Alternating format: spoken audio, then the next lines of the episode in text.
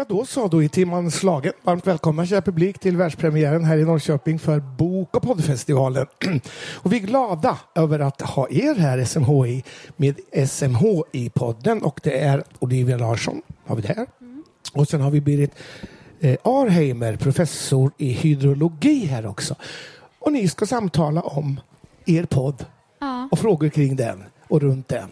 och om klimatet. Och, och klimatet förstås. Då ser jag ord och bild. Varsågoda, varsågoda publik.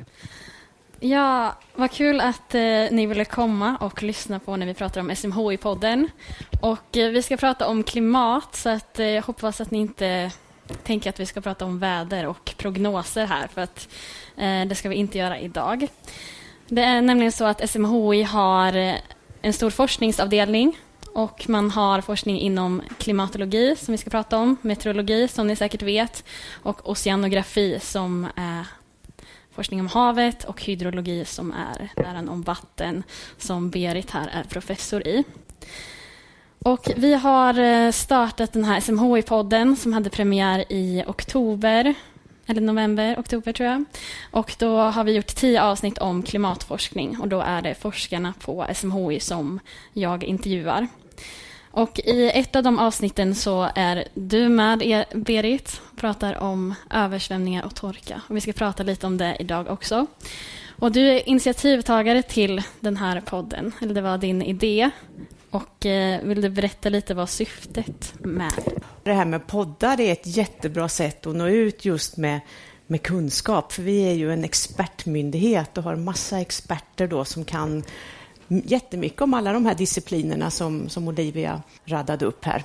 Och sen inte minst i klimatfrågan, för vi jobbar ju då mycket med klimat. Vi har ju klimatologi som ett ämne, men också klimateffekter då på vattenbalans eller på havet och havsstånd eh, till exempel, eller ja, även på väder såklart. Ehm, och Greta Thunberg hon återkommer ju ofta till det här lyssna på forskarna. Vi ska lyssna på forskarna. Och då tänkte jag att eh, vår forskningsavdelning då med 130 personer, ja men vad säger de egentligen då? Vad är det man ska lyssna på? Och då tänkte jag det här med podd är ju ett sätt då för dem att komma fram.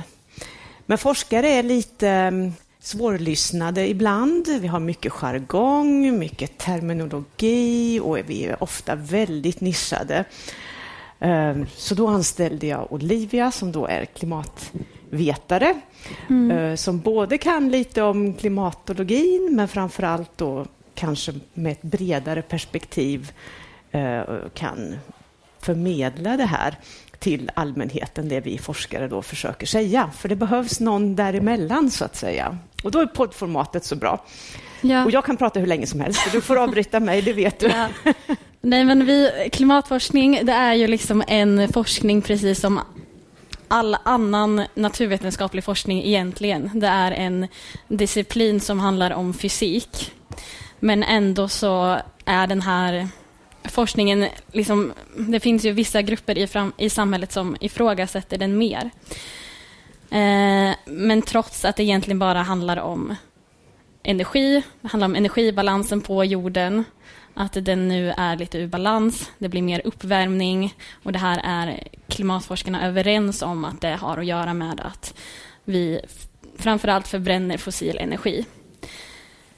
Eh, och då, ni vet hur ett växthus fungerar. Det kommer in solljus, när vi har då fyllt på med växthusgaser så kommer solljuset in. När det reflekteras tillbaka så är växthusgaserna här och liksom det och värmer upp jorden mer. Vi får liksom en annan energibalans på jorden och en uppvärmning. Och som jag sa så är det här fysik, det är bara naturvetenskap, men ändå så är den här vetenskapen mer ifrågasatt. Varför tror du att det är så, Berit? Jo, men jag tror att eh, det är det här att det hotar ju lite vårt ehm, sätt att se på världen som det är nu. Och det hotar, man har känt det som ett hot kring att man måste ja, göra om sättet man lever på, kanske ändra vanor och så vidare. Och det vill ju inte folk. folk jag tror människan av natur är ganska förändringsobenägen, i alla fall i början. Men sen är vi ju också väldigt anpassningsbara, människan.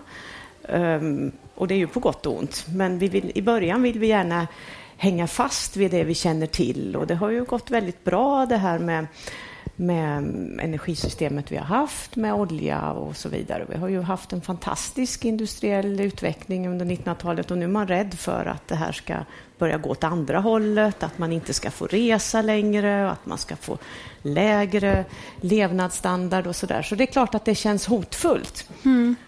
Och sen har man ju också industrin som har levt eh, på de här fossila bränslena och nyttjat det. Och de vill ju inte ha någon förändring, för det har ju gått bra för dem. Men, mm. men där ser man ju den nya eh, industrin som växer fram nu eh, och som vinner mark. Och det ger ju också ett väldigt uppsving för ekonomin. Så det där har man ju omvärderat lite grann nu. Nu ser man ju möjligheter med, med anpassning och med nya energikällor också. Så att, ja, jag ja. tror det har svängt lite. Men från början finns det en skepsism. Och det är väl det är ju bra att vara skeptisk också. Kan vi verkligen tro på det här? Ska vi verkligen ändra oss? Tänk om vi ändrar oss i onödan? Och, ja. Så mm. viss skeptism är ju bra.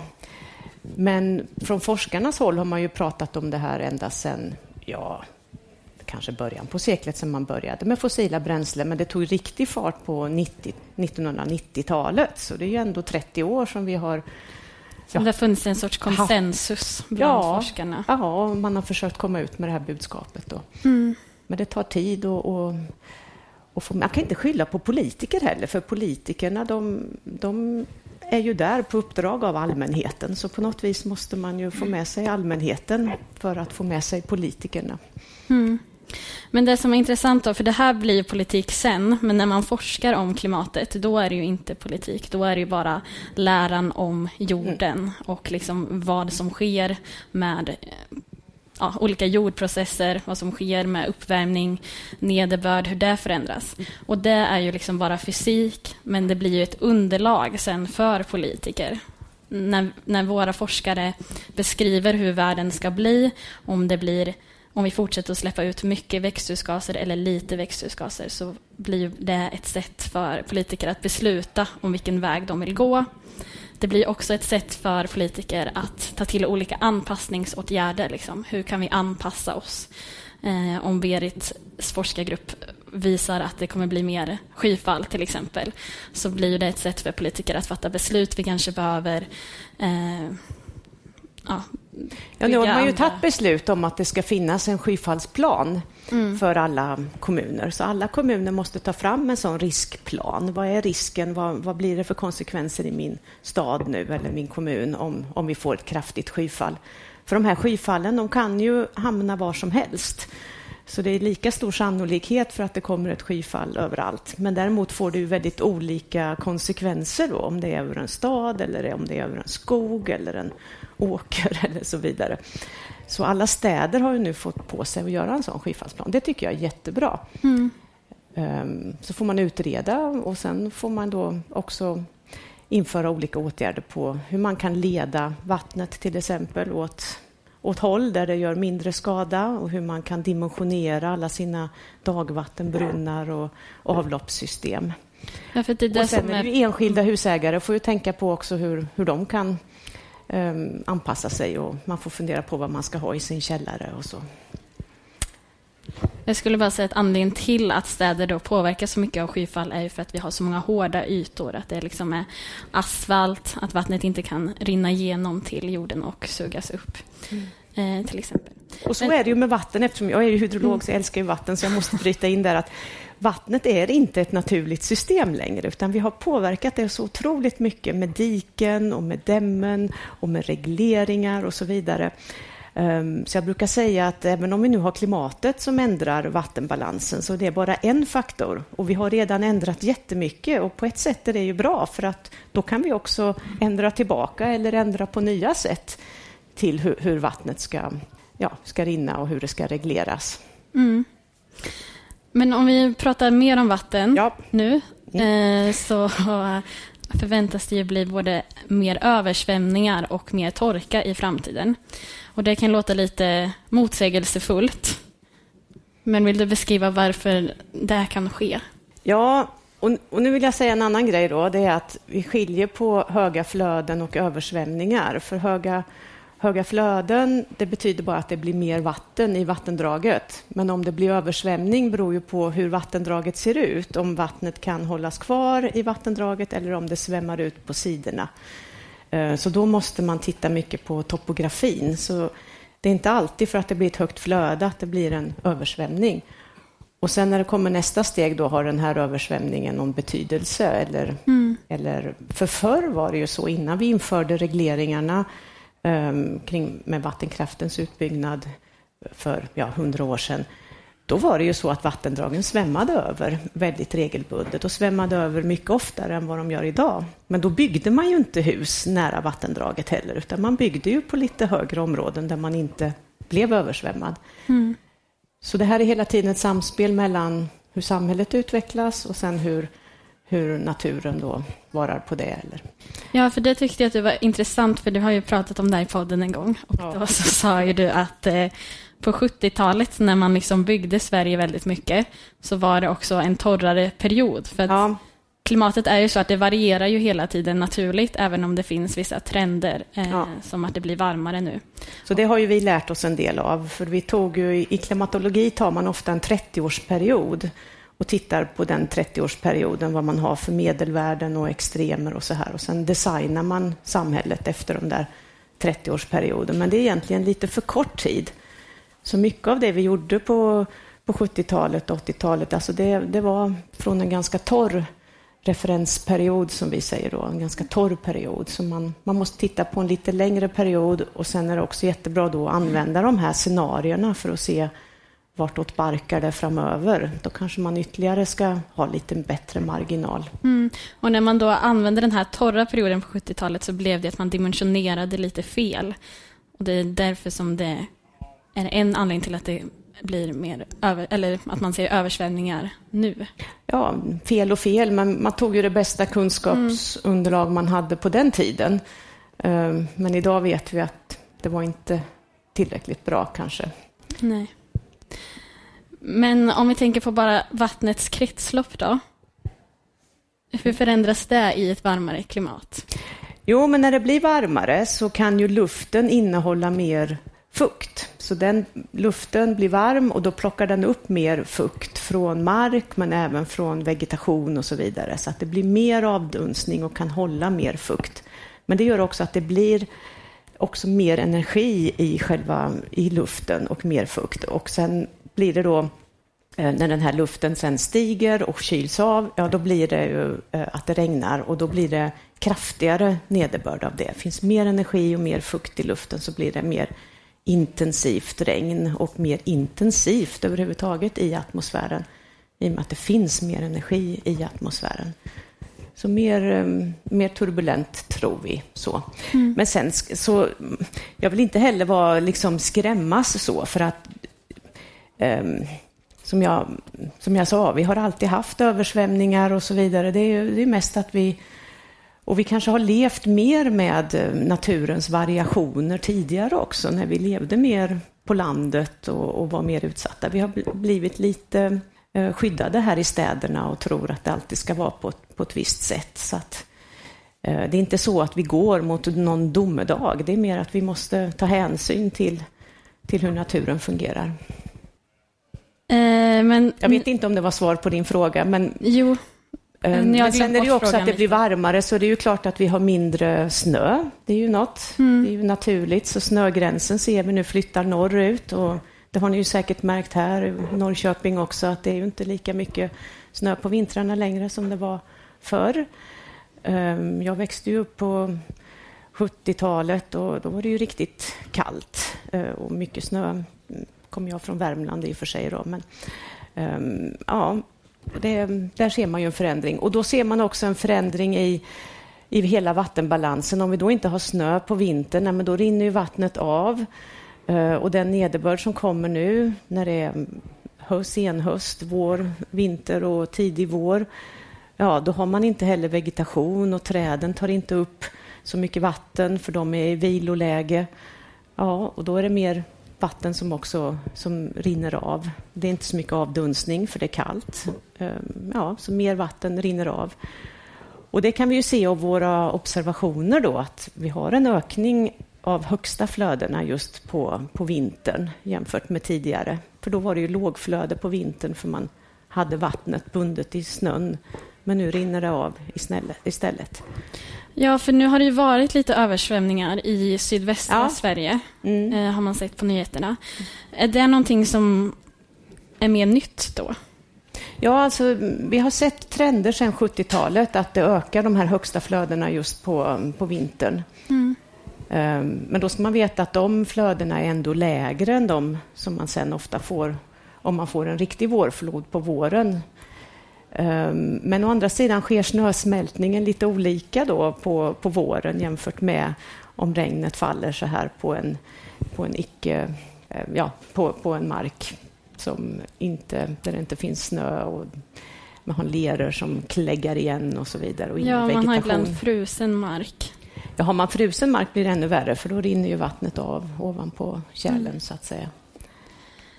Mm. Om vi går över, eller vad kan man göra åt det här då? Om det blir mer risk för översvämningar på vintern? Ja, nej men som sagt, man får anpassa sig. Ja, och hur ehm, anpassar man sig? Ja, nej, men lite det jag nämnde förut. Då, fundera på hur man bor och hur det ser ut i landskapet runt omkring. Um, om man till exempel ligger, har sitt hus ganska läkt, lågt i en svacka eller så där, ja, då är det större risk att vattnet rinner dit. Vattnet rinner ju neråt, det vet vi alla. Um, sen fundera på vad man har för försäkringar. Har man såna här backventiler? Vad har man för grejer i, i källaren? Och har man dränerat sin källare? Um, så det finns ju rätt mycket man kan göra som husägare mm. ändå för att se över sitt hus. Men um, ja, och sen så kan man ju också då som kommun, då kan man ju leda vattnet till platser där det gör mindre skada och sen dimensionera avloppssystemet och dagvattensystemet mm. och så. Men vi tittar ju också på det här med dammar eh, och våtmarker i landskapet för att det är ju intressanta åtgärder. Där har vi ju dikat ut Sverige väldigt mycket. Men om man återför, återinför en del av de här våtmarkerna och täpper till en del diken. Det pågår jättemycket sådana experiment nu med svensk skog, att man täpper igen diken. Ja, då blir ju det en buffert eh, där vatten kan samlas så att man får lite lägre högflöden, men också att man får vatten där som sen kan fylla på när man får torka. För som du var inne på, det, vi ser ju också att vi får torrare mm. klimat då på, och torra somrar har vi upplevt nu på sistone. Och det tror vi också blir mer vanligt framöver. Och, ja, genom att då nyttja landskapet och styra vattnet lite bättre. Och, och som var jag inne på det här med vattenkraftregleringen. Där är det ju också en balans mellan hur mycket vatten ska gå till elproduktion och hur mycket kan man släppa förbi i vattendrag så att det fyller på nedströms då, vattendrag och sjöar. Så det finns en hel del att, att, mm. att leka med i ett landskapsperspektiv. Precis, och då vill ju... Vi hade en diskussion med en som var här förut om, om mhm. den när jag stod och pratade. Att eh, det var ett eh, vatten... Eller en sjö som du sa hade väldigt hög, eh, vatt, hög vattennivå nu. Och att det också beror på när elpriserna är höga och inte när man vill släppa på mm. det. Mm. och sånt. Mm. Och där är det ju helt annorlunda nu, för nu är vi ju på en, en europeisk elmarknad. Mm. Så vad jag har fått lära mig kring elproduktion och att man sparade på, på våren och sommaren för att släppa på vattnet på hösten och vintern när det var kallt och, och, och mörkt. Så det funkar ju inte så längre, utan dels använder man ju kraften mycket mer till väldigt elintensiv eh, industri i Sverige. Vi har ju gått in för det. Vi har haft billig el här, så då har vi satsat på elintensiv industri. Eh, men nu måste vi ju försörja den industrin då och sen har man samtidigt öppnat med elmarknaden och, och då vill ju de ha el när det är höga priser som du säger. Så mm. det är mm. inte så kopplat till Sveriges klimat längre utan nu är det kopplat till energipriserna. I Europa? I Europa. Så att eh, då får man ju fundera på hur man ska ha det där med vattendomar och hur man ska ja, styra det politiskt då. För att i ett avrinningsområde behöver man ju ta hänsyn till alla intressen. mm. kring vatten. Inte bara el, utan ja, även till jordbruk. Och... Ja, och det här gäller speciellt vid torka. För ja. då har vi... ja, det är då vi får brist på vatten. Mm, precis, mm. och det ser man om man kollar på Sverige i framtiden så ser man att just sydöstra Sverige riskerar att få mer eh, risk för torka på sommaren. Och Det är också där man har väldigt mycket jordbruk i Sverige. Mm. Ja, det är ju här, Östergötland mm. till exempel. Mm. Och eh, om man då får mer torka där, varmare somrar när det avdunstar mer, hur ska man, vad ska man göra åt det? Ja, men då är det mm, dammar, tänker man. Man kan ju titta lite på hur de har löst det i Sydeuropa till exempel. Vi får också lära oss från andra länder. Och där har man ju mycket mer dammar i jordbruket som, där man lagrar vatten för att kunna ha till bevattning eh, andra tider på året. Men sen också det här att fundera på ja, hur, hur mycket ska gå till olika sektorer. Mm. Ja, för det här har du sagt till mig en gång att om alla i Sverige skulle ta ut så mycket vatten som de har rätt till så ja. är det... Ja, vi har ju sådana, det finns ju vattendomar och uttagsrätter eh, men vi har ju räknat på det där och om alla som har uttagsrätter skulle ta ut max, då skulle inte vattnet räcka till. Så det är också det där med att man har, man har underdimensionerat och räknat lite tokigt eller inte räknat alls när man har lämnat ut de här vattendomarna. Så att, eh, mm. ja, men det där är också sånt vi tittar på nu och vi tittar på det tillsammans med statsvetare i forskningsprojekt eh, kring hur man kan organisera sig bättre i avrinningsområden. Vi ska ju egentligen göra det enligt vattendirektivet som är ett EU-direktiv. Men Sverige ligger lite efter där och vi tycker fortfarande om att administrera oss inom kommuner och länsstyrelser och kanske inte efter naturliga gränser som som eh, vattendelare. Då. Så det, vi har lite att lära oss där i Sverige. Men det pågår ganska många forskningsinitiativ kring det. Ja. Hur vi kan göra bättre och hur vi kan samordna oss bättre.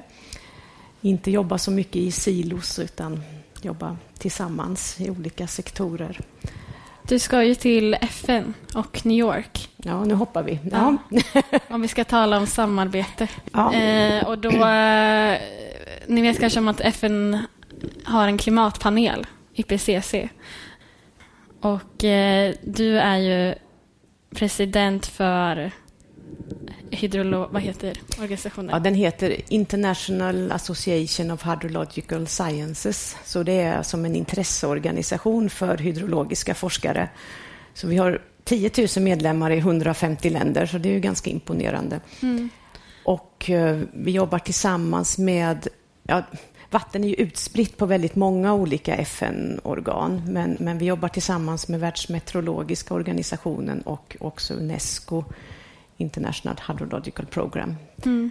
Men det jag skulle säga med det här var ju att eh, det nu talas om att man vill eh, göra ett liknande eh, en liknande grupp för vatten. Alltså att forskningen ska gå ihop, forskare från hela världen och liksom sammanfatta forskningsläget mm. när det gäller vatten. Och då tänkte jag fråga varför det är viktigt nu? Om... Jo, men det är viktigt. Dels för att liksom ska vi, funderar vi på vi ska liksom kartlägga bättre så att vi vet hur vattenresurserna är fördelade över jorden. Men sen också det här med att lära oss eftersom vi har nu mycket förändringar. Det är både klimatförändringar men det är också markanvändningsförändringar och landskapsförändringar. Och då behöver vi lära oss av varandra från olika länder. Så vi behöver lära oss hur man hanterar tor torka bättre och hur man fördelar vatten om vi nu får för lite vatten. För vi är ju vana vid att ha mycket vatten i Sverige. Men om vi nu ska få lite vatten framöver, då behöver vi lära oss hur vi ska, vad vi ska ha för processer och ska man ha vattenbanker och hur ska man, hur ska man organisera sig? Men på samma sätt behöver ju torra länder lära sig mer om hur man hanterar översvämningar, för det är de inte så vana vid och nu börjar de få mer översvämningar. Och just den här typen av konsekvensbaserade varningar som SMHI lämnar ut nu på översvämningsrisk och så. Det är ju sånt man behöver lära sig. Till exempel hade jag en kollega från Australien här för någon vecka sedan och hon var mm. väldigt intresserad av hur SMHI jobbar med, med sådana frågor och ville lära sig mer. Så vi behöver lära oss hur, man, hur vi ska hantera nya situationen och vad det finns för åtgärder som vi var inne på här, vad, mm. vad man kan göra och då är det bra med det här internationella samarbetet. så vi inte gör samma misstag utan kommer vidare. Verkligen. Och du sa att, ja nej det sa du ju, att, man, att ni lär er mycket av liksom, typ fattiga länder som eh, har behövt jobba med det här länge. Ja. Alltså där det är torrt. Mm. Eh, nu har vi liksom gått igenom vårt program här, fast inte riktigt som det stod. Men jag tänker vi kanske ska, om det är några som har några frågor, det kan handla om vatten eller klimat, så kan vi... Eller hur mycket tid har vi kvar? Fyra minuter. Några frågor från publiken. Där Där har vi en fråga. Ja, nej, det var en, frågan var här om eh, hur man om, om man ska ta bort alla dammluckor eh, i dammar. Men det ska vi inte. Jag menar, dammarna står ju för 50 procent av, av Sveriges elproduktion, så det är inget bra läge att ta bort dammluckor idag. Däremot finns det ju väldigt, eh, det finns väldigt mycket små, gamla dammar som inte används längre, så jag tror det är dem du tänker på. I små vattendrag um, finns det ju gamla dammar som man kanske hade någon kvarn för länge sedan, men där kvarnen är borta. Och det är där man ska gå in och då riva dem, för att de är ju vandringshinder då för fisk, till exempel. Men man ska inte ta bort dammar som är igång och som är verksamma, eh, utan de finns kvar. Däremot finns det ju regler på minsta eh, flöden och så, minimitappningar och det finns krav på fiskvandringstrappor och sånt. Så, så det finns. Men det är nog de här små du tänker på som, som inte används. Men det är sant att det var ett, ett EU-direktiv om att man skulle ju miljösäkra vattenkraften mer i Sverige också. Ja, det håller vi på med. Eh, Och nu la man ju det på is, den här regeringen. Men annars så var det ett ganska stort arbete på gång där man just kartlade eh, miljökonsekvenser av, av eh, vattenkraft över hela Sverige. Ja. För att just få till de här minimitappningarna, vad de ska ligga på. Men nu med elkrisen så vet jag att de la ner, eller satte det på paus, det arbetet. Men det kommer säkert upp igen. Fler frågor? Klimat, vatten, samhälle? En minut kvar. Så håll gärna utkik på SMHI-podden. Om man lyssnar då på SMH, alltså man får söka på SMHI-podden. Det finns i poddappar. Eh, och då kommer man till den här klimatforskningssäsongen. Eller gå in på smhi.se så finns det under podd där. Ska vi stanna? Ja, Ja, vad bra, härligt. Då tycker jag vi ger en varm applåd till SMHI. Olivia och Berit, tack att ni har. Jätteintressant och viktigt förstås det ni gör. Och eh, välkomna och titta in. Ni fick ju bra information om var man hittar er. Du har lyssnat på en podd från SMHI, Sveriges meteorologiska och hydrologiska institut.